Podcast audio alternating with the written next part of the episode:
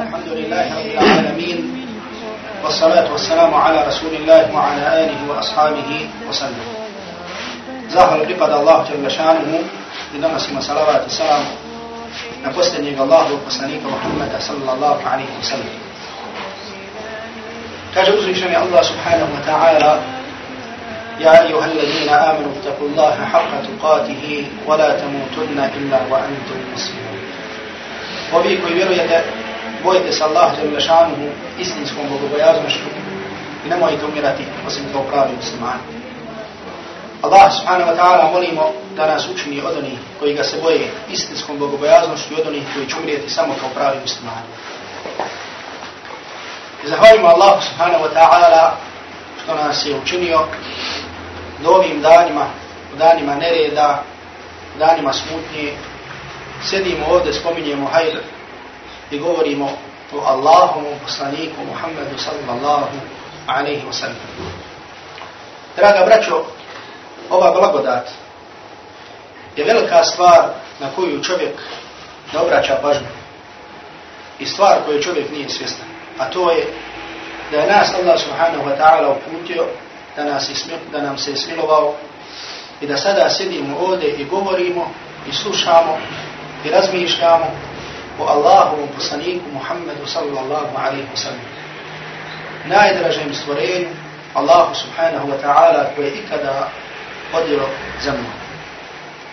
Pa molim Allah subhanahu wa ta'ala da nas učini od istinskih sljedbenika Allahu poslanika Muhammeda sallallahu alaihi wa sallam i njegovog sunnata. Draga braćo, tema našeg večerašnjeg druženja je kao što smo spomenuli u prošlom predavanju, bitka na Bedru. Bitka na Bedru u stvari jedan od najznačajnijih i najvažnijih događaja u historiji Islama. U historiji Islama. Na samom početku da kažemo da bitka na Bedru nije bila prva bitka u Islamu. Bila je prva veća ili prva velika bitka. Mi smo prošli put rekli da smo ova predavanja, odnosno ovaj ciklus predavanja nazvali poslanikove sallallahu alaihi wa sallam bitke i pohodi. Bitke i pohodi. U arabskom jeziku se za ova dva termina kaže gazvatun ili gazavatun i sarijatun ili saraja. Kod nas je uobičajen ovaj prevod, a to je bitke i pohodi. Dobro, odmah da kažemo kakva je razlika između gazva, odnosno bitke i pohoda. Gazvatun se kod islamskih storičara koristi za onaj, za onu bitku, odnosno za onaj pohod u kojem je lično učestvovao Allahu poslanik sallallahu alaihi wa sallam. Znači, gasvatut je ono u čemu je lično učestvovao Allahu poslanik sallallahu alaihi wa sallam, gdje on lično izašao. Međutim, dok je sarijatun, ona grupa, odnosno pohod, kojima je, ili kome je Allahu poslanik sallallahu alaihi wa sallam naredio da izađu. Pa taj je tako prije bitke na Bedru bilo sedam ovakvih izlazaka, odnosno bitaka ili pohoda. Pa prvi pohod, odnosno prva grupa kojima je poslanik sallallahu alaihi wa sallam naredio da izađu, jeste bila serija, odnosno pohod, odnosno grupa koji je predvodio Hamza ibn Abdul Muttalib. I zato se kaže da prva zastava koja je podignuta u islamu je bila zastava Hamze, odnosno zastava one grupe ili one skupine koju je predvodio Hamza. Međutim, prva bitka u kojoj je učestvovao Allah poslanik sallallahu alaihi wa sallam jeste bila takozvana bitka Al-Abwa ili Waddan. Al-Abwa ili Waddan. Znači ova dva termina se koriste za ovu bitku, za ovu, da kažemo, za ovaj ovdje gdje je izašao Allah poslanik sallallahu alaihi wa sallam.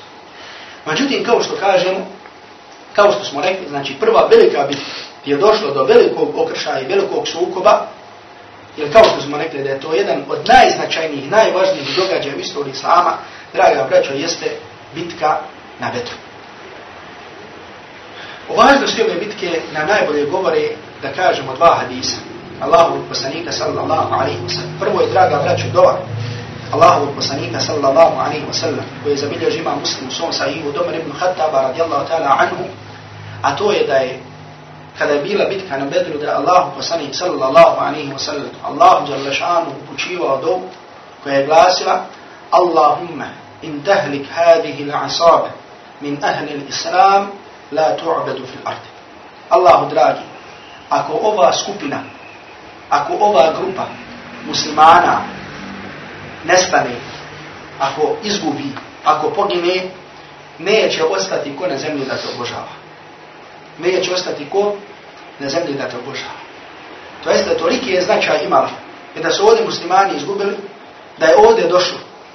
Znači, desio bi se veliki musibet. I zato vidimo ovdje, znači vidimo to iz dove, iz osjećaja Allahovog poslanika sallallahu alaihi wa sallam, vidimo značaj ove bitke, a to je da Allahov poslanik sallallahu alaihi wa sallam govori Allahu dragi, ako ova skupina, ako izgubi, ako pogine, ako nestane, neće imati na zemlji kod da te obožava. I drugi hadis, draga braću, koji zabilježi ima Mahmed u svom usnadu, od Ummu Mubešir, žene Zaid ibn Harife, koja kaže da Allah poslanik sallallahu alaihi wa sallam jedne prilike bio u kuć, odnosno u sobi svoje žene Hafse i rekao La jedhulu nare ahadun šahida badran amil hudajbi. Da je poslanik sallallahu alaihi wa sallam rekao ko je god učestvovo u bitci na Bedru ili na Hudajbi neće ući u džahannam, neće ući u vatru. Neće ući u vatru niko koji je bio na Bedru ili koji je bio na Hudejbiji. Znači vidimo ovdje, znači koliki značaj je imala ova bitka u istoriji Islama. Dobro, draga braćo, koji je bio razlog da dođe do ove bitke, da dođe do ovog okršaja? Povod je bio karavana mušlika koju je predvodio ko? Koji je predvodio ko? Koji je predvodio Abu Sufjan. Znači to je bila povod ove bitke. A to je da je Abu Sufjan izašao sa devama, da je izašao sa velikom karavanom koja je išla prema Šamu. A o tome smo govorili u prošlom predavanju. I također je ovdje zamalo došlo do jednog, zamalo da je došlo do jednog okršaja. Jer Allah poslanih sallallahu alaihi wa sallam je bio izašao, a taj povod, odnosno ta bitka se zove Al-Ušeire. Bio je poslanik sallallahu alaihi wa sallam izašao da sustikne ovu karavanu. To jeste da je napadne dok je ona išla u svom putu prema Šamu. Međutim, poslanik sallallahu alaihi wa sallam kada je došao tamo gdje je mislio da je stigne, ona je već otišla u Šamu.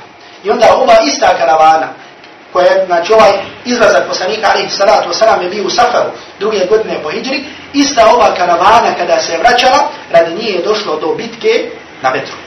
A to je kada se vraćala, poslanik sallallahu alaihi wa sallam je ponovo izašao da je sustigne, da je napadne i onda je došlo, kao što ćemo pojasniti, do ove velike bitke koja se zove bitka na Betru. Draga brać, odmah ovdje da postavimo jedno pitanje. Znači, vidjeli smo ovdje da je uzrok ove bitke bio da je Allah poslanik sallallahu alaihi wa sallam i da su muslimani napali na karavanu mušrika, odnosno nevijenika Mekke, koja je išla i koja je nosila njihovu trgovinu. Znači, nosila je veliko bogatstvo. A osnovni temelj ekonomije mušrika u Mekki, Mekelija, je bila trgovina. I zato je poslanik sallallahu alaihi wa sallam, znači ovdje dolazi do jednog velikog strateškog znači napada. Znači jedna velika strategija stoji za ovoga, poslanik alaihi salatu wasalam je direktno tijelo da udari na temelje njihove ekonomije, a to je da napadne na njihovu karavanu. I sada ovdje postavlja se pitanje, znači neki, ne kažemo zbog čega, zato što neki orientalisti koji žele da, odnosno koji šire dilema oko islama, kažu da se ovdje jasno vidi da poslanik, odnosno oni kažu Muhammeda, da poslanik Muhammed sallallahu alaihi wa sallam nije bio ništa drugi, ništa drugo nego razbojnik, odnosno drumski razbojnik koji je napadao, koji je presretao ljude i tako dalje.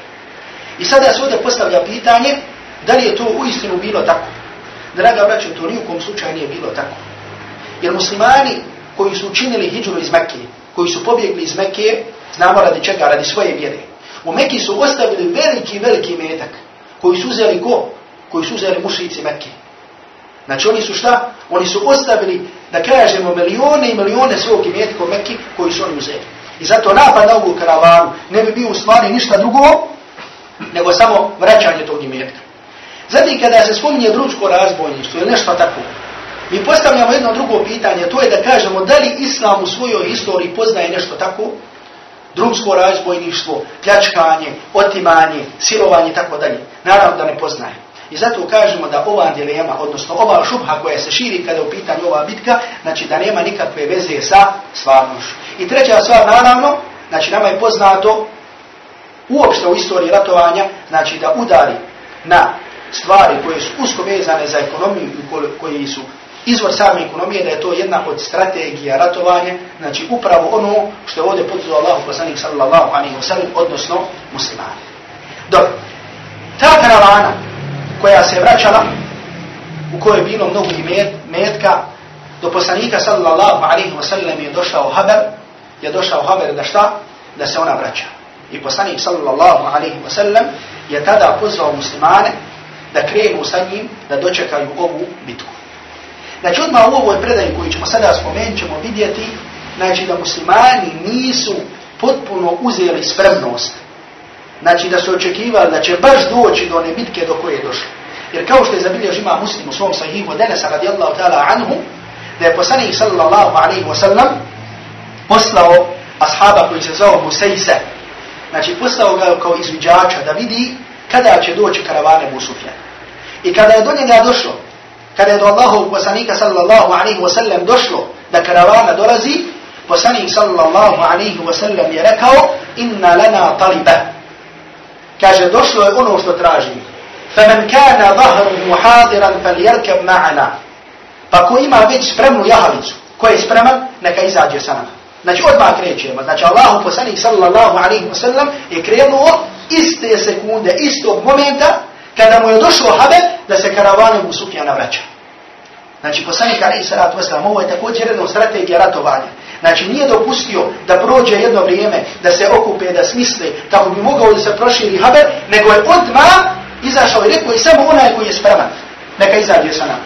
Pa je došlo u hadisu, fa dža'ala riđalun jesta'dinuna Rasulallahi fi dhuhranim fi ulvi Medina. Pa su došli neki ljudi koji nisu u tom trenutku imali spremne jahalice, nego koji su imali spremne jahalice u drugom dijelu Medine. Pa je poslanik sallallahu alaihi wa sallam rekao la illa man kana zahru hadiran. Ne, nego samo onaj koji je spreman, neka izađe sam.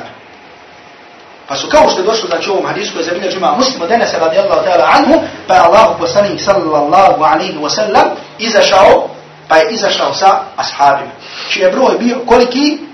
Čiji je broj bio 313.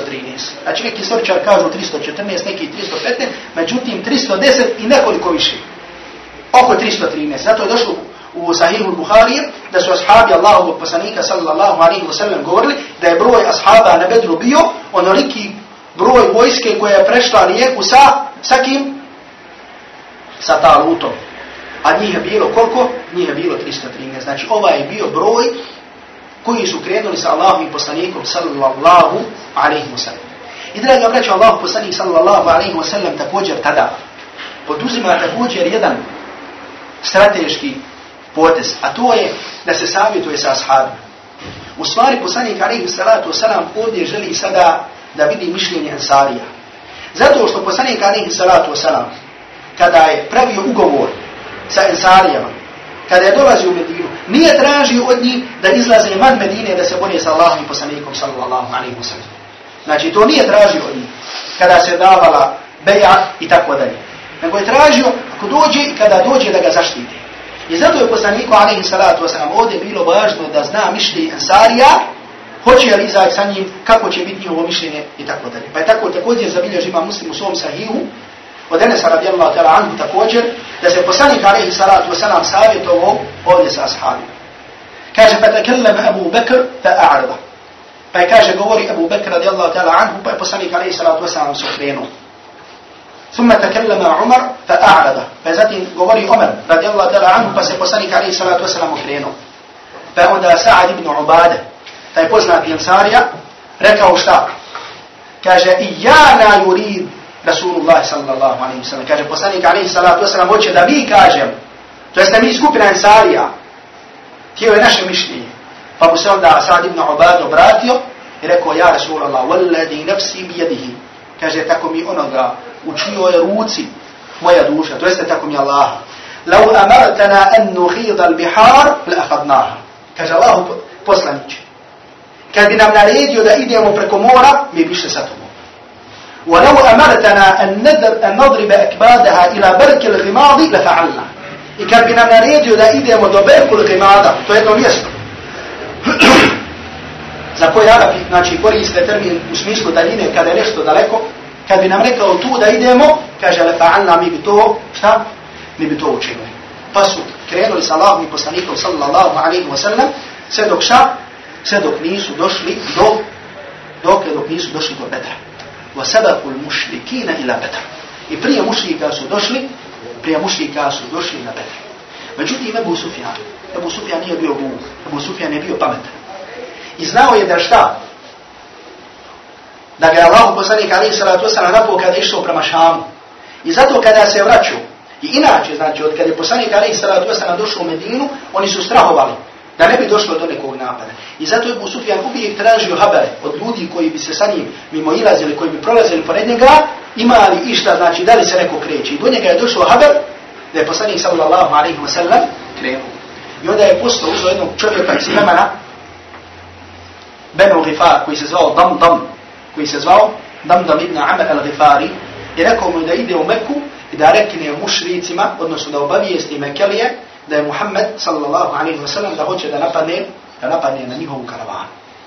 I normalno kada je došao, oni su se okupili i tada je izašla vojska Mekelija, čiji je broj bio oko hiljadu, čiji je broj bio hiljadu. Znači tri puta su više bili brojni od muslimana. Međutim, draga brać, ova bitka na Bedru, prije nego što je došlo do same bitke, bilo je neki nagovještaja da će se desiti velika stvar. Da će se desiti velika stvar. Znači, čak među mušricima je došlo do nagovještaja da će i zadesiti veliki musibet. Da će i zadesiti šta? Veliki musibet. A tako Ibn Hišam prenosi u svojoj siri da je Atika, bint Abdel Muttalibu, ona je bila tetka Allahov poslanika alaihi salatu wasalam, sestra Abbas ibn Abdel Muttalib. Što kaže Ibn Sa'ad, da je došla, da je posle toga prihvatila Islam i da je učinila hijđaru u Medinu. Ova žena, dok je bila u Medini, dok je bila u Mekki, nekoliko dana prije Bedra je vidjela san. Je vidjela san koji je mnogo prepao. Zovna je svog brata Abbasa i rekla mu je Ja ahi, laka ra'utu ru'ya afuda'atni. Kaže, brate, vidjela sam san koji me je mnogo prepao. Wa takhawaftu an yadkhula bi sababiha musibatun wa sharrun ala qawmika. Kaže, prepala sam se da će radi tog sna da će tvoj narod zadesit veliki šr i veliki musibet. Faktu ma'anni ma uhaddith. Pa zato kaže, dobro čuva i dobro sakri ono što ćete reći. Pa je Abbas rekao, šta si vidjela? I počela da mu priča sam. Kaže, vidjela sam, kaže, konjanika, jahača, koji je došao na devi. Znači čovjek koji ježiše na devi nije konjanik. Koji je došao iznad Mekke i počeo da poziva, počeo da govori. A posle toga će doći ko? dandan koga je poslao Ebu Sufjan. Kaže, vidjela sam kako zove, kako poziva. I kaže, onda je wa ahade sahratan wa ramaha. Pa je kaže, onda uzuo veliki, veliki kamen. I kaže, baci. Fađa'ale tahvi hatta kana bi asfalim džabel. Pa je kaže, taj kamen letio sve, kaže, dok nije došao u podnožje brda. Jer je. Pa je kaže, onda taj kamen rastuku.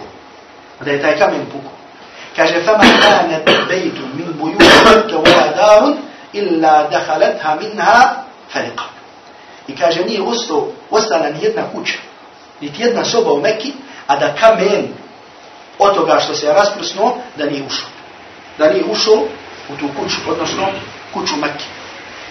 Što znači Allah najbolje zna, znači da nije bilo kuće, a da je nije ušao musibet u nju radi, radi bitke na Mekke. Pa kada Abbas ibn Mutalib čuo ovo, rekao, Wallahi inna la ru'ya. Kaže, tako mi Allah, ovo je istin san. Ovaj san je istinit.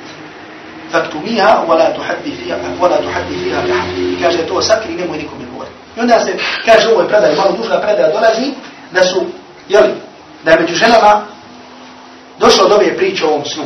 I Mekelije su počele da pričaju, počeli su da, da se ismijavaju, u stvari prepali su se radi toga. I sve, do, sve dok nisu prošla tri dana ili nekolika dana, sve dok nije došao dam dam i dok je nije obavijestio da je Muhammed sallallahu alaihi wa sallam muslimani, da su im šta? Da su im traga vraću napali karavana.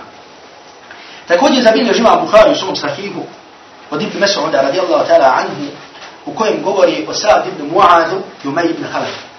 A Sa'd ibn Mu'ad, ovaj ashab iz Medine, Asarija i Umay ibn Khalaf, mušrik iz Mekke su bili u džahilijetu prijatelji. Pa bi Umej ibn Halef kada bi došao u Medinu, bio bi gospod Sa'd ibn Mu'az. I ovaj kada bi došao u Mekku, bio bi gospod koga? kod Umej ibn Halefa. Bio bi gost kod Umej ibn Halefa. I kada je poslanik alaihi salatu wasalam učinio je hijđu u Medinu, sad ibn Muaz dođe u Meku. I dođe kod koga bude gost kod Umej ibn Halefa, koji je bio jedan od vođa, koji je bio jedan od glavnih mušlika. Pa mu kaže, unutar li sada halva, la'alli atufa bil bejt kaže vidim jedan trenutak, kaže kada nema gužve da učinim tavaf oko kabe. Pa i kaže tamo negdje u sredini dana u podnije, znači kad nije bilo gužve, počeo da čini tavaf. I tada ga je sreo ko? Sreo ga Ebu Džahl. Sreo ga je tada Ebu Džahl. I rekao mu, kaže činiš tavaf ovdje, wa kad alaitu mu subate, a vi ste, kaže, pomogli onima koji su svoju vjeru promijenili. Wa za'amtum ennekum tansurunahu wa. Kaže, mislite da pomažete im. Da vam je to pomoć, da pomažete Muhammeda sallallahu alaihi wa sallam i ashabi. I kaže, Wallahi laula annaka ma abi Safan, ma rađa'ti ila ahlike salima. I kaže, tako mi Allah, da nisi, kaže, sa Abu Safan, to jeste sa Umej ibn Halafom, kaže, ne bi se vratio, kaže, živ kući. Ne bi se zdrav vratio kući. A ovaj kada ga je čuo, podigo je, kaže, warafa sautahu, i kaže, podigo je glas na njega. Pa mu kaže, Wallahi, min hada, la amna annaka ma huwa šaddu minke, la ma huwa šaddu minhu. Kaže, kad mi ti ovo zabrani, ja bi zabranio ono nešto što je gore od ovoga. Što je teže šta? Kaže, tarijekom ke ila Medine. Kaže, zabranio bi ti da put kroz Medinu. To jeste kuda su oni išli da trguju. I onda mu rekao Umar ibn Halef, kaže, nemoj galanit, nemoj dizat glas na, kaže, sejidu ahli l-wad, na Ebul Hakema, a njegov nadmak je bio Ebul Hakem. Nadmak je bio Ebul Hakem, znači otac mu umrosi. Pa ga je poslanik alaihi salatu wasalam nazvao kako? Abu Džahlom, otac neznanje, otac neznanje i. Pa je rekao, nemoj dizat svoj glas na njega, jer kaže, on je Ebul Hakem, on je sejidu ahli l-wad, on je gospodin ovdje. Pa mu kaže sad ibn Muaz, dobro, nećemo o tome pričati. Međutim, kaže, obrati se mu ibn Halafu, kaže, Muhammed sallallahu alaihi wa sallam kaže da će to biti. Da će se desiti događaj da ćeš poginuti, da ćeš ubiti. To je bilo gotovo. Draga braći, oni su znali. Odnosili se prema poslaniku, ali i salatu wasalam, ko su se odnosili. Međutim, znali su da on govori samo istinu. Kaže, misli da ćemo ubiti, kaže, hoćemo ubiti u Mekki? Kaže, ne znam. Međutim, kaže da će ubiti. Odmah je tad odšao svoje žene. I rekao, kaže, Muhammed kaže da će me ubiti. U jednom rivajetu se kaže da mu ona rekla, kaže, Muhammed ne govori ništa osim istinu. Ne govori ništa osim istinu. Pa rekao, kaže, la ahruđu me Mekke. Kaže, nikada neću izaći iz Mekke. I došao je dan kada je Abu Džehl, znači kada je došla pijesto karavani, i Abu Džahl je počeo da okuplja ljude. On je tada rekao, neću da ide. Prepo se. Prepo se da će poginuti. Međutim, Abu Džehl mu je rekao, da sam malo otvoriti prozor. Abu Džehl mu je rekao, kaže, ako ti tahallafte, ako ti ne odeš, onda ljudi kada to vide, ni oni neće ići. Ni oni neće ići sa tobom. Ni ljudi tada neće ići sa tobom. Pa onda tada rekao, da bi se opravdao, u stvari da bi našao nešto kako bi bio dalje od tog ubijanja, kaže, la aštarijenna ađvada ili bi Mekke. Kaže, kupću najbolju devu koja ima u Mekke, to jeste najbržu, da mogu pomoći tako, da mogu pobjeći tako dalje. I onda je opet izašao na bedru i kaže, i na bedru je poginuo. I na bedru je poginuo. Znači vidite ovdje također jedan od nagovješta da je poslanik sallallahu alaihi wa sallam nagovjestio ovu bitku. Međutim ono što je došlo u sahihu muslima od Omera, odnosno od Denesa radijallahu ta'ala anhu, da je poslanik alaihi salatu wa sallam kada je došao na bedr, da je govorio hada masra'u fulan, hada masra'u fulan, hada masra'u fulan, vada o jedan. Da je poslanik govorio ovdje će poginuti ovaj, ovdje će poginuti ovaj, ovdje će poginuti toga ovaj, i da je sve svoju ruku stavio, gdje će ko poginuti, od mušika. Pa kaže Rabija, kaže, fama mata ahaduhum an maudi'a jedi Rasulillahi sallallahu alaihi sallam. Kaže, nijedan od njih nije poginuo nimalo van granica onoga gdje je poslanik sallallahu alaihi wa sallam stavio svoju ruku. Van onih granica gdje Allahu poslanik sallallahu alaihi wa sallam, draga braćo, stavio svoju ruku. I sada, braćo, znači, rekli smo, dolazi vojska Mekelija, dolazi na Betr. Međutim, rekli smo prije, da su muslimani prije, da su i pretekli, da su prije njih došli do Betra. I onda dolazi do tog velikog historijskog događaja koji se zove bitka na Betru. Međutim, ovdje nam je bitan, veoma nam je bitan jedan moment. A to je noć u oči bedra. A to je šta? Noć u oči bedra. Odnosno, kao što je zabilio Žibnu Huzeinu u svom sahiru, ko što pripovijeda Ali radijallahu ta'ala an. Kaže, vola kad ra'ajtuna jevna bedra. Vama minna illa nadimu illa Rasulullahi sallallahu alaihi wa sallam. Kaže, vidio sam nas noć u oči bedra. Kaže, nije bilo nijednog od nas, a da nije spavao. Illa Rasulullah sallallahu alaihi wa sallam. Osim Allahu poslanik sallallahu alaihi wa sallam. Tahta šeđara usalli wa jebki hatta asbah. Kaže, koji je klanio i plakao sve dok nije došao sabah. Usalli wa jebki hatta asbah. Kaže, klanio i plakao. Znači, čitao noć u badetu, sve dok kaže nije osvanio. Kada su drugim hadisma spominje da je poslanik alaih salatu wasalam učio ovu dobu koju smo na početku spomenuli. I da je toliko dobio, kaže da mu je njegovo grtač pao s ramena.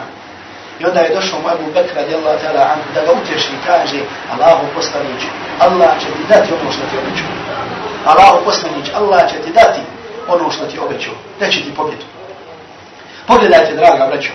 Pogledajte ovdje Abu Bakr radijallahu ta'ala anhu u tim momentima u tim bitnim momentima sa Allahom i poslanikom alihi salatu wasalam. Ubijen sa Allahom i poslanikom alihi salatu wasalam. Sjetite se kad poslanik alihi salatu wasalam čini hijđu i kada sa njim biva u pećini ko? Biva Ebu Bekr. Pa kaže Ebu Bekr, Allahom poslanče, kaže tako mi Allah, kaže kad, samo kada bi pogledali ispod sebe, samo kada bi pogledali u svoje prste, kaže vidjeli bi nas. Pa mu kaže Allahu poslanik alihi salatu wasalam, Ebu Bekr, šta misliš o dvojici sa kojima je treći Allah? Ebu Bekr, šta misliš o dvojici sa kojima je treći Allah? Pogledajte i ovdje, u tom zna, značajnom i bitnom momentu, Ebu Bekr, radijallahu ta'ala anhu, sa Allahim poslanikom, sallallahu alaihi wa sallam. Međutim, draga braćo, nije tada samo, nisu tada samo muslimani upućivali dove bili i bilo i baditu. Tada su i mušnici upućivali Allahu za dove. Pa je Ebu Džahli, taj mušrik koji se toliko suprostavio Allahu i poslaniku alihi salatu wasalam, Allahu Đelešanu upućivao dobu na dan bedra.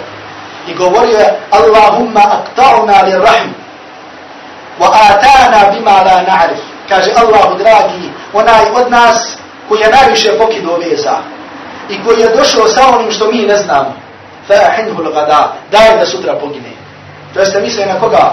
Na Allahu poslanika alihi salatu wasalam. Što kaže, akta'una li rahim, Zato što misli da kada su muslimani, kada su ashabi prihvatili islam, kada su postali muslimani, kada su mušici, ostali mušici, da je tada došlo do kidanje rodbinskih veza.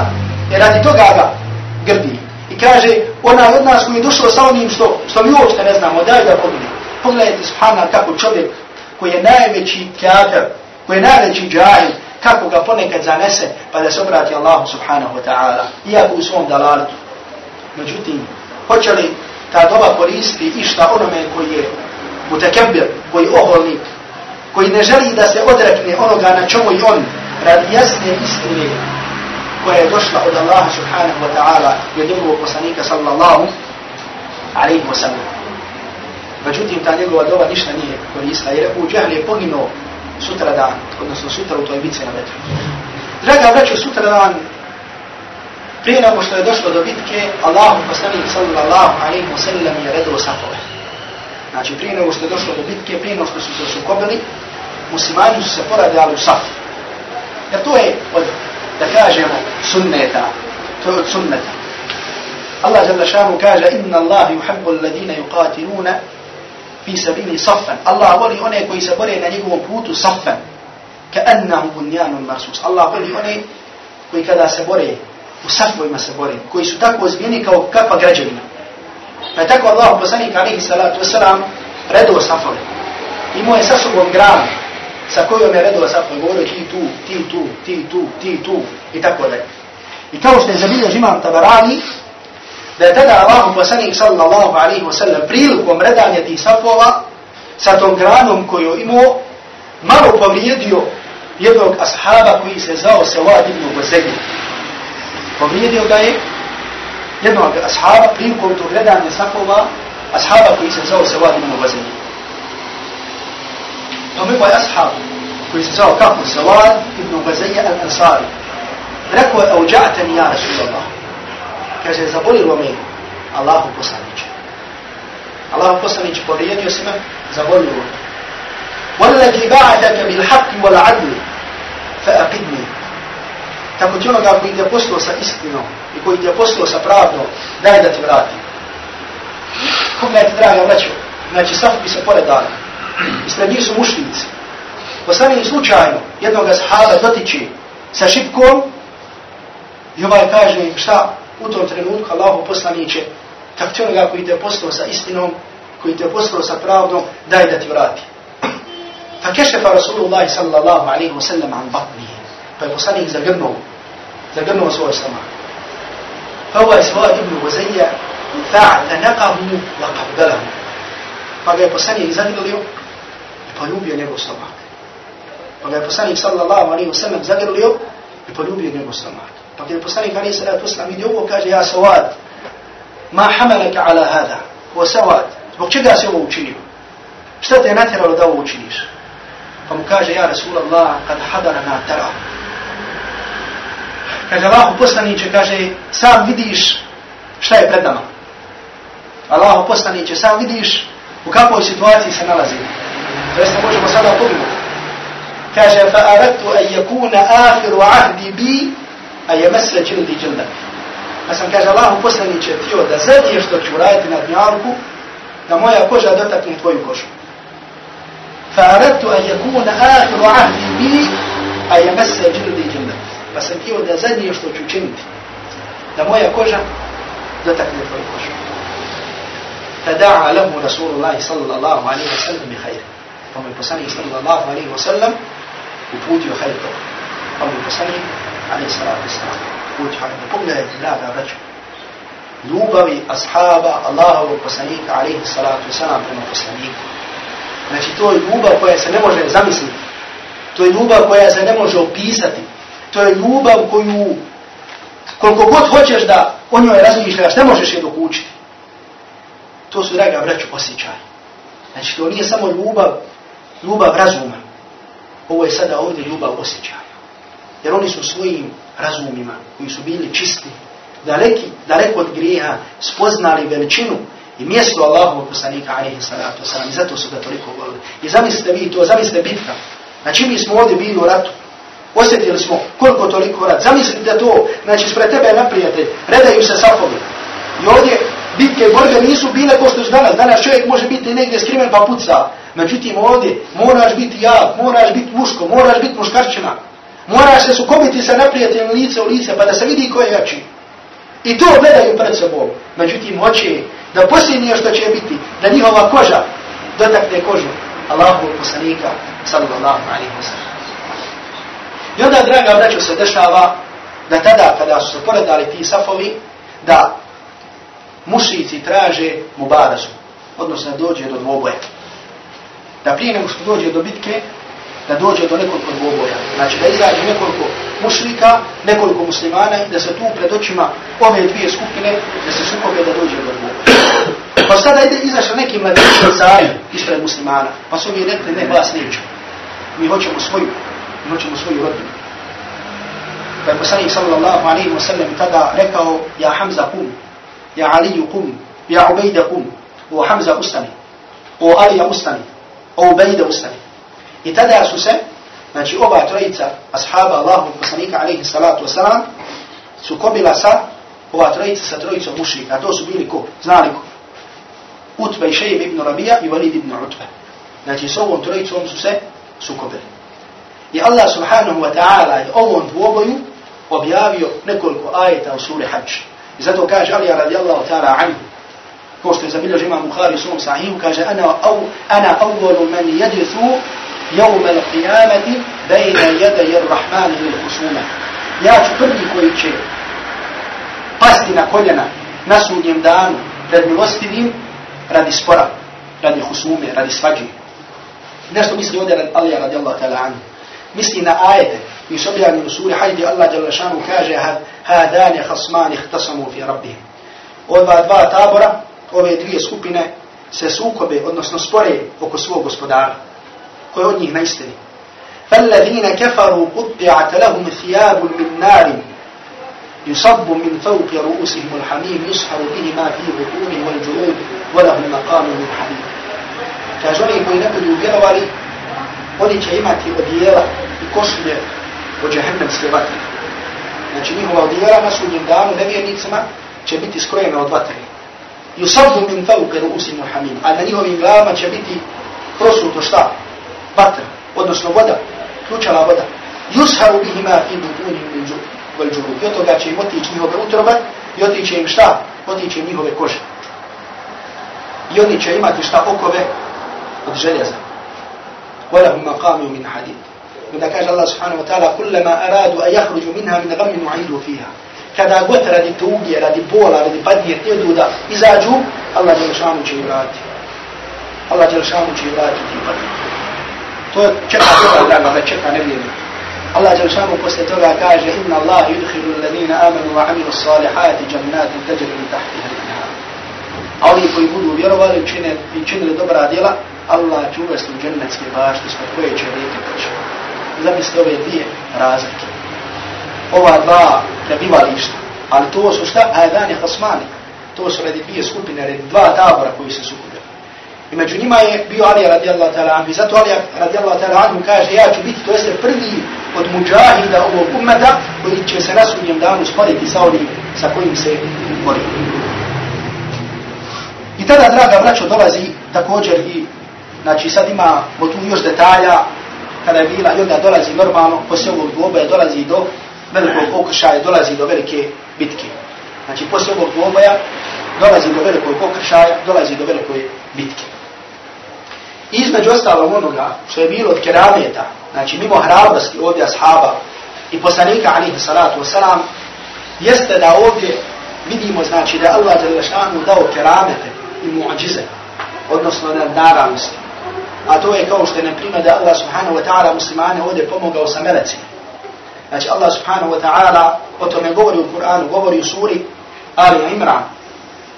إذ تقول للمؤمنين أن لن يكفيكم أن يمدكم ربكم بثلاثة آلاف من الملائكة kada se rekao vjernicima, zar vam nije dovoljno da vas Allah pomogne sa 3000 meleka?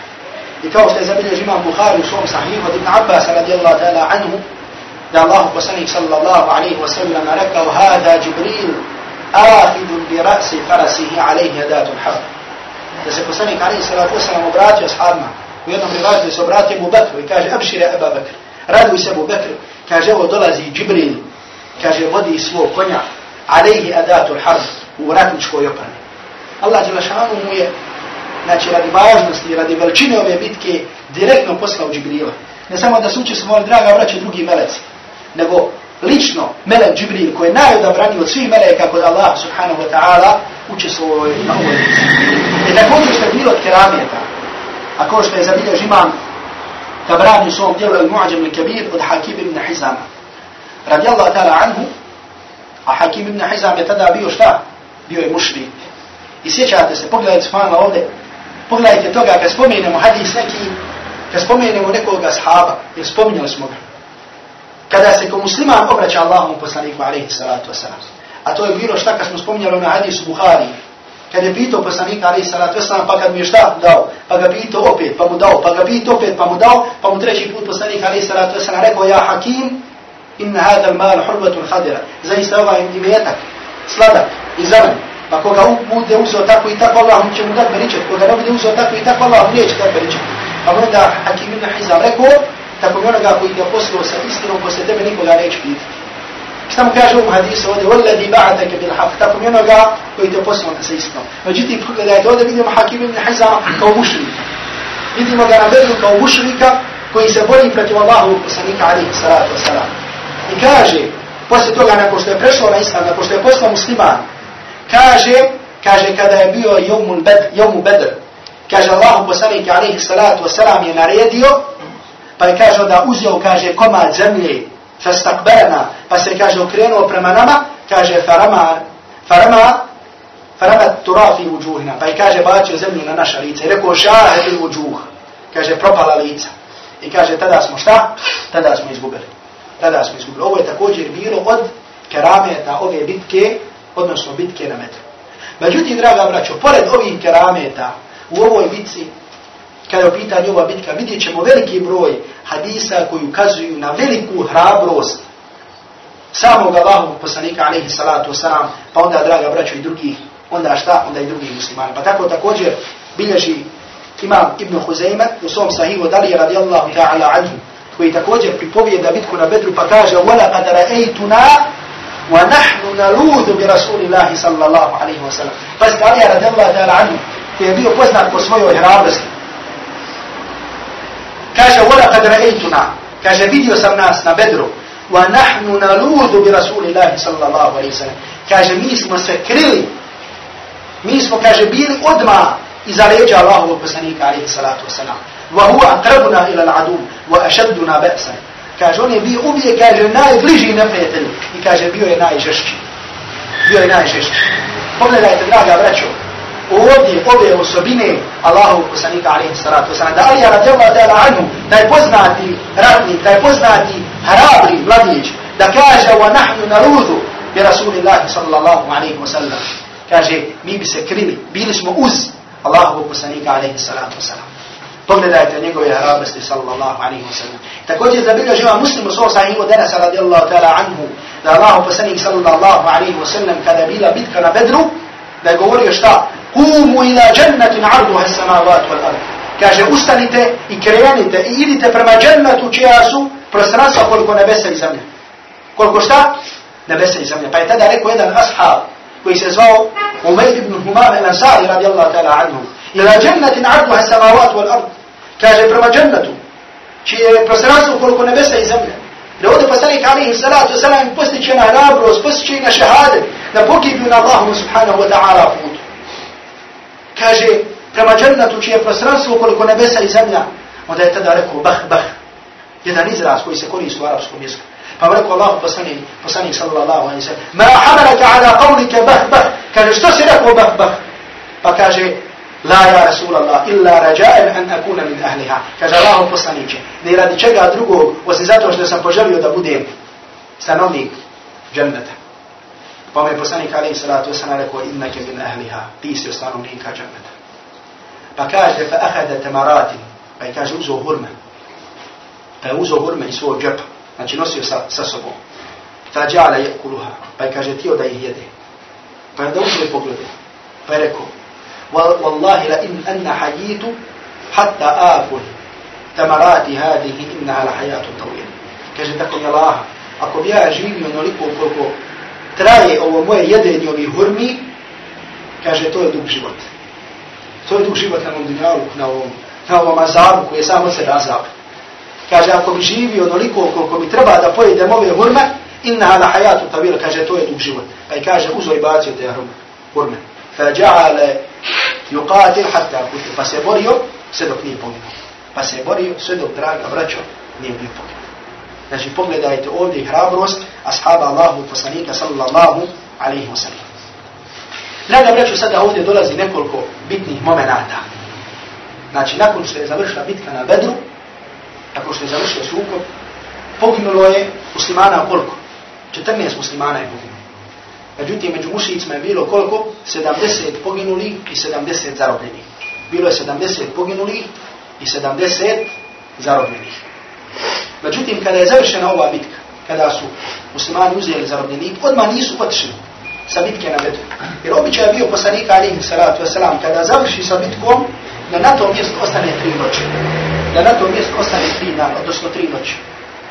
I poslanik, ko što je zabilio žima Buhari u svom sahihu, od Ebu Talhe radijallahu ta'ala anhu, ovo je jedan veoma bitan moment.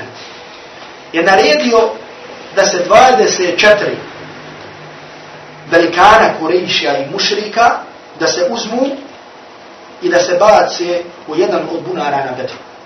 Va kuzifu fi tawidi min atwa i Bedru. I da se bace u jedan od bunara od bunara Bedru. I to je bio naravno ko to, je bio Abu Džahab, to je bio Utba i Šejba ibn Rabija, to je bio Valid ibn Utba, još drugi velikani, i drugi velikani. Znači šta uzeo je?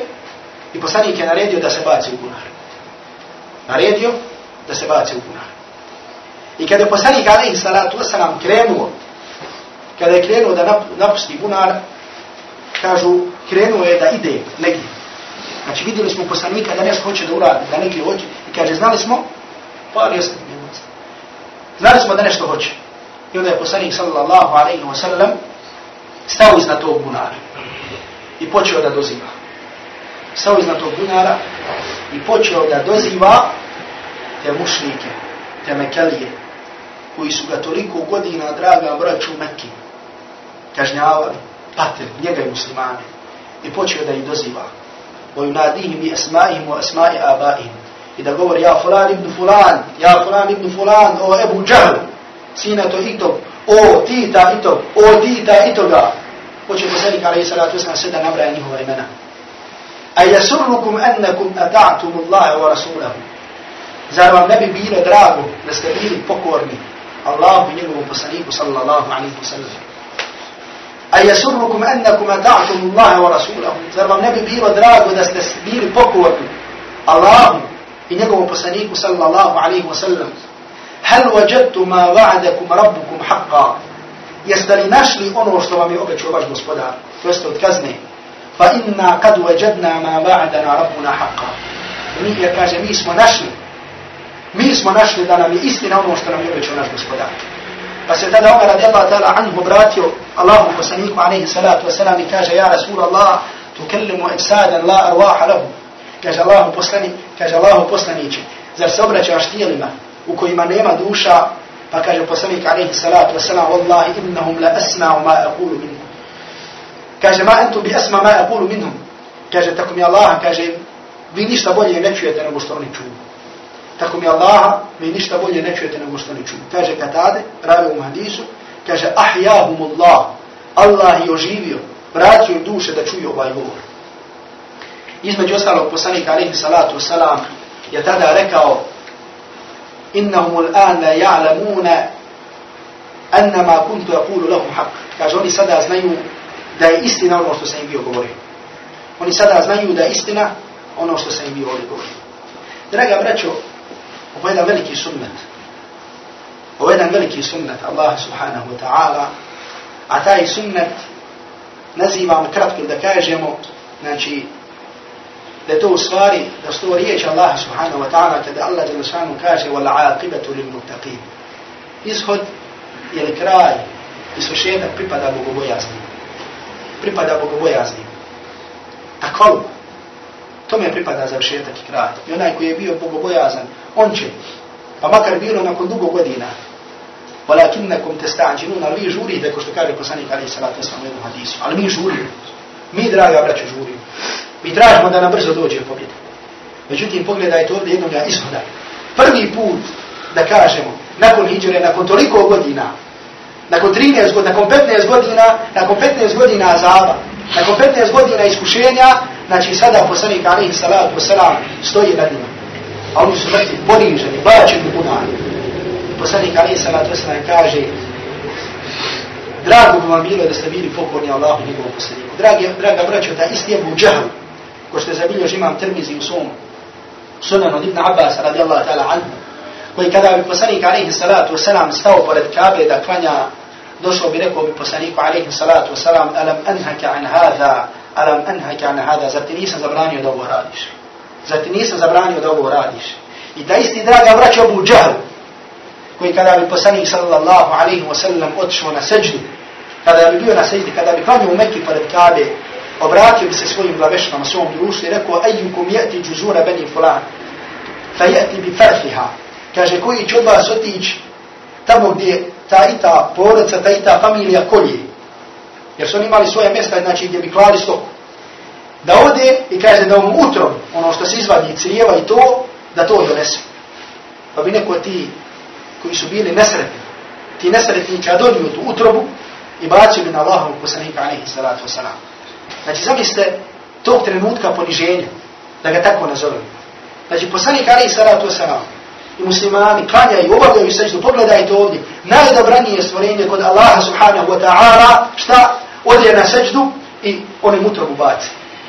I kaže jedan ravija, kaže ravija tog hadisa, kaže nisam smio tada da priđem i da kaže to sklonim sa Allahovog poslanika Ali salatu sam Sve dok nije došla Fatima, radi Allah ta'ala anha i dok to ne bi čerka Allahovog poslanika alaihi salatu wasalam, dok to ne bi uklonila sa Allahovog poslanika alaihi salatu wasalam. Allah Đelšanu i draga braću bio kadar tada da pošalje melek.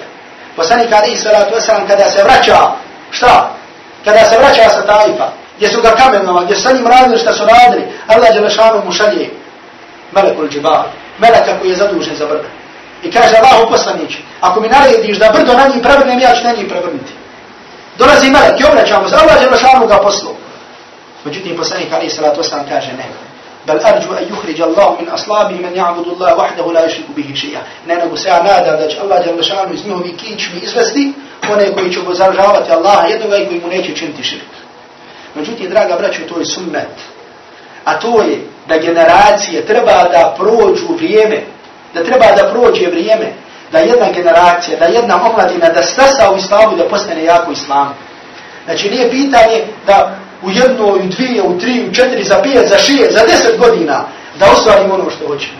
Nego treba da bude taj period tog sabura, period tog tahammula, znači kada ćemo nositi, kada ćemo osjetiti teret, stvari sve je to slast, međutim kada ćemo osjetiti odgovornost iskušenja na Allahu subhanahu wa ta'ala putu. A o, to, o tome smo više puta govorili. To je Allahu za našanu sunnet. I zato pogledajte, toliko godina Allahu poslanika alihi salatu wasalam trpi u Mekke ono što trpi. Međutim, ovdje je došlo vrijeme. Od onog momenta kada isti taj Ebu Džahl, kada uzima tu utrobu i kada baca na leđu i na vrat Allahu poslanika alihi salatu wasalam, znači dolazi sada momena kada biva u bunar, kada biva mrtav. I kada poslanik alaihi salatu wasalam da ga osramoti kad da mu kaže jesi li našo, jeste li našo ono što vam je obećao vaš gospodar. I zato, draga braćo, treba da znamo da svak onaj koji ustraje na istini i koji bude na pravom putu da će ga Allah Đelešanu uzeti. A da će Allah Đelešanu poniziti neistinu i nosioce i sebenike neistine. Međutim, kada i kako, to je sir min esrari Allah. To je jedna od Allahu Đelešanu tajna. Kada i kako, to je tajna koju sam Allah Đelešanu zna. Međutim, na meni ili na tebi, na svima nama, samo da budemo usrajni na ovoj istini, na slijedženju Kur'ana i sunnata Allahu poslanika alaihi sallatu sallam. Treba reći također o događaju koji je bio ovdje vezan za Bedr, jeste da su se, da kažemo da je poslanik sallallahu alaihi wa sallam tijelo, odnosno da se savjetovo sa ashabima, šta da se uradi sa zarobljenicima Bedra. Šta da se uradi sa zarobljenicima Bedra.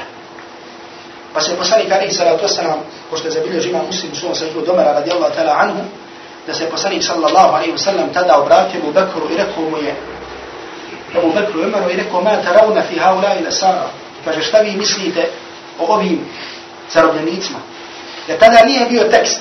Nisu imali tekst Kur'ana, nije bilo objave koje govorila šta se zarobljenicima da se radi. Pa Ebu Bekr, radijallahu ta'ala anhu, tada iznio mišljenje. I rekao, ja Rasulallah, benul ammu la ašira. Kaže, oni su djeca od naših hamidža i oni su iz našeg plemena. Kaže, fa ara an ta'huda alihim fidje. Pa kaže, ja mislim, uzmi kaže za orobljenike, zatim neka se iskupe i kaže tada ćemo postati jaki, možda Allah Đelešanu neke od njih uputi na islam. Pa poslije toga se poslanik Ali Salatu Osanam obratio Omeru, pa kaže Omer, šta ti misliš o ovome? Pa kaže, poslan, kaže Omer radi Allah ta'ala anhu, ja ne mislim ono što misli Abu Bakr. Allah poslanik, ja mislim da i svi upovijeli. Da im otkinemo glavu. Kaže da eto makina na wa nadribe a'naqabu. Da nam dadneš priliku da im svima glavu otkinemo. Pa kaže da Ali radijallahu ta'ala anhu dadneš da ubije Akila, svog rođaka. Da meni daš da ubijem svog rođaka. Znači da se zna da tada nema, da rodinska veza da nema nikakvog značaja. Nego da se pita istine i zabude. I da svak od nas ubije svog najbliže. Da svak od nas šta ubije svog najbliže. Jer kaže Allahu poslanića hum a imatul kufri wa sanadiduha. Jer kaže to su glavešne kufre. To su šta? To su glavešne kufre.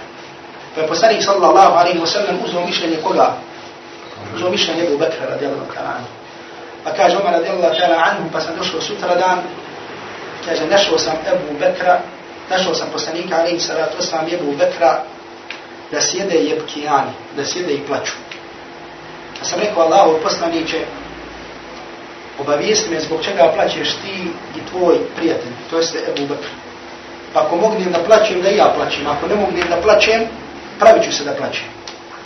Pa kaže, poslanik Ali Sala, to sam plaćem radi onoga što mi je sinoć, što mi je juče, lilladi arada alija ashabuke, radi onoga što su mi tvoji prijatelji rekli da uradim. Kaže, lakad urida alija azabum adna min hadihi šeđar. Jer kaže, prikazan mi je azab. Prikazan mi je način kazne kako su mogli da budu kažnjeni. Pa Allah subhanahu wa ta'ala onda objavio aj, u suri Anfal, ma kana li nabijin an yakuna lahu asra, hatta yuthina fil ard. Kaže, ne treba poslaniku, nije trebalo poslaniku da ima zarobljenike. Treba da je pobio od masa. Allah Đelšanu mu ovdje šta objavljuje ajet koji je u skladu onoga što radi radijallahu ta'ala anhu rekao. Ne treba poslaniku, ili da kažemo na jedan način, čak dolazi ukor Allahom poslaniku, alaihi salatu wasalam. Nije trebalo poslaniku da ima zarobljenike. Hatta yufina fil ard, sve dok ne bude na zemlji imao snagu, sve dok ne ojača, sve dok ove ne pobije, pa ne bude imao snagu. Draga braćo, ovo je bila velika mudrost. Zbog čega? Zbog čega je bila ova, zbog čega objavljen ovaj ajet? Zbog čega je Ebu Bekr, zbog čega je Umar radijallahu ta'ala anhu ovo rekao? Draga braćo, da se da do znanja, da rodinske veze, da dunjaluk, šta će ljudi reći, da to nikakve veze nema. Nego za sve one godine ubijanja i klanja muslimana i patnje, da im se vrati isto onom vjerom kojom su oni zadavali. Da im se vrati isto onom vjerom. I ovo stvar nije ništa drugo nego čista pravda, čisti hikmet, čista mudrost, čista pravda, ravnopravnost. Da im se da isto onako, šta, kako su oni čitavo vrijeme postupali. Da se da do znanja da muslimani sada imaju snage. Jer kao što smo rekli, ovo je bila prva bitka kada su, draga braći muslimani, znači da kažemo, bili gorni. Kada je u pitanju ta strategija ratovanja i tako dalje. Znači prvi put u istoriji, prvi put nakon tih dugih godina. Međutim, opet, pored svega ovoga, muslimani i Allahu poslanik sallallahu alaihi wa sallam su kod sebe zadržali pravednost i blagost koja je došla u Kur'anu i sunnatu Allahu poslanika alaihi sallam. Znači ovdje imamo taj ukor. Međutim, Ibn Hišam je zabilježio jednu predaju koja je duža, međutim, ja ću je skratiti. I sad njom ćemo završiti ovaj govor o Bedru. A to je da je bio tada mušlik, posle toga ashab Umayr ibn Wahab. Umayr ibn Wahab, čiji je sin bio zarobljen. Čiji je sin bio zarobljenika na Bedru. Da je jedne prilike se obratio Safan ibn Umeju nekoliko dana nakon bitke na Bedru, i počeo da mu govori o musibetu koji je zadesio Mekeli i tako dalje, i rekao je, kaže, da nije duga kojeg ima i da nije porodice, kaže, sada bi su ušao bi Muhammedu sallallahu alaihi wa sallam, ušao bi Muhammedu i kaže, ubio bi. Otknuo bi glavu. Pa mu kaže, ovaj mušnik a kaže, prenosio ovog hadisa, ovo ibn Zubair, za ova, ovoga Umer ibn Wahba, wa kane šeitanen min šejatin. Wa kane šeitan min šejatin. Kaže, bio jedan od šeitana. Znači, toliko je u Mekke nanosio patnju muslimanima. Kaže, toliko im nanosio ezijete i musibeta, kaže, bio je jedan od šeitana, ništa drugo nego jedan od šeitana. Pa kaže ovaj, njegov ahbab, njegov prijatelj, kaže, slušaj, taj dug koji treba da vratiš, ja ću ga vratiti. Kaže, tvoju porodicu ću ja hranim ko što hranim svoju, a ti bujru midi i ubi Muhammeda. I ovaj, kada je to čuo, uzima sablju i ide u Medinu. Misli da će se napraviti, da kažemo, munafik, pa da uđe kod poslanika alaih salatu wasalam, pa da ga ubije. I dolazi u Medinu i sa sobom nosi sablju. Jer kad ga vidi Omar radijallahu ta'ala anhu, kaže, hada kelba adu Allah, kaže, ovaj pas, kaže, ovaj Allahov neprijatelj. Kada je došao u Medinu, kaže, hoću da vidim poslanika Muhammeda sallallahu alaihi wasallam. Sada se obraća, sada se obraća kao musliman. I ulazi poslaniku alaihi salatu wasalam. I kaže, Allahu poslaniće, stvari tada mu naziva pozdrav, en'amu sabahan. To je bio običaj u džahilijetu da se tako pozdravi. On kaže poslanik alaihi salatu wasalam, neka akramena Allahu bi tahiyyati ahli džanna, assalamu alaikum. Kaže Allah je Allah nas je počestio i, i, i podario nam je ljepši pozdrav od ovoga. To je pozdrav stanovnika džennata, to je salamu alaikum. Pa kaže, ma džabike ja Umeir. Kaže, zbog čega si došao Umeir? Kaže, došao sam pred ovog zarobljenika, svog sina, fa ahsinu ilaihi. Pa budite dobri prema njemu. Pa mu kaže poslanik sallallahu alaihi wa sallam, usdukni, bima džabike. Kaže, reci mislim zbog čega si došao. Pa kaže Allahu poslaniče, došao sam samo radi, radi ovoga. Pa On kaže poslanik alaihi sallatu wasallam, šta će ti ta sablja? Pa on pogleda sablju kaže, qabdah Allahu min as-suyuf. Kaže, Allah je prokleo. Zar ništa ova sablja koristi? Pa on kaže poslanik alaihi sallatu wasallam, nisi došao radi toga. Nego si ti sjedio. Ti si sjedio sa Safan ibn Umejom u Mekki i rekao si da bi došlo da mu ubiješ, da ti nije duga, da ti nije porodice, da ti ovoga, pa ti on rekao da će ti vrati dug, da će ti on čuvat svoju porodicu, da si došao ovdje da mu ubiješ.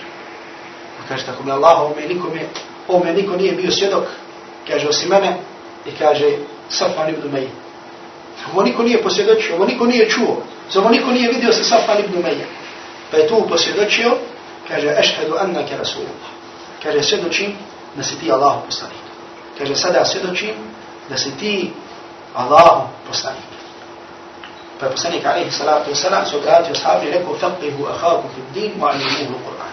Ovoga svog brata podučite propisima Allahu vjere i podučite ga Kur'anu. Podučite ga propisima vjere i podučite ga Kur'anu. Znači vidimo ovdje također jedne brige Allah subhanahu wa ta'ala prema svom poslaniku alaihi salatu wasalam da ga obavještava Allah o onim ljudima koji su došli da ga kao što smo spominjali slučaj podali radi Allah ta'ala anhu koji je prišao Allahom poslaniku alaihi salatu wasalam kada je bilo svojenje Mekke, kada je bilo svojenje Mekke, kada je poslanik alaihi salatu wasalam činio tava, i kada je prilazio podale da ubije poslanika Ali salatu wasalam, i kada ga je poslanik Ali salatu wasalam podigo, pogledao, kaže, mada kunta tu hadithu bihi nafsake ja fudale, kaže, o čemu si sada pričao, o čemu sada razmišljao u sebi, o fudale, On kaže, ovaj, la šej, nema kuntu edhiku Allah, kaže, ništa, samo sam spominio Allah, pa se poslanik sallallahu alaihi wasallam tada nasmio, kaže, pa je stavio svoju ruku na moja prsa i kaže, tako mi Allah nije digao svoju ruku sa moje prsa, a da mi nije poslao najdraže stvorenje. Da mi nije postao najdraže stvorenje. Pogledajte ovdje, draga braću, ponovo. Pogledajte, ljubice na bedu, pogledajte ovdje Allahovog poslanika, alaihi salatu wasalam. Jer kroz siru, kroz život Allahovog poslanika, sallallahu alaihi wasalam, kroz čitanje, kroz slušanje u njegovom životu, spoznajemo i upoznajemo našeg poslanika, našeg miljenika Muhammeda sallallahu alaihi wa sallam. Pogledajte, draga braću, u ovoj bitci, samo pogledajte hrabrosti Allahovog poslanika. Pogledajte kada Ali radijallahu ta'ala anhu kaže, mi bi se sakrivali iz Allahovog poslanika. Većina onih ljudi koji su šta? Koji su hrabri, koji su snažni. Oni su šta? Oni su oholi. Oni su šta? Oni su oholi. Međutim, poslanik Ali Salatu sam, pored te svoje hrabrosti, je bio blag. Pa ga pogledajte sa sevadom. Kada mu kaže, Allahu poslaniće daj da te vrati. Poslanik odmah diže šta? Diže mu svoju košu. Ne kažem, boj se Allah, ja sam ovdje emir, ja sam ovdje šef, ja sam ovdje gazda. Nego poslanik alaih salatu sam odmah diže svoju košulju da mu vrati. Pogledajte Božijeg poslanika sallallahu alaihi wa sallam kada se savjetuje sa ashabima.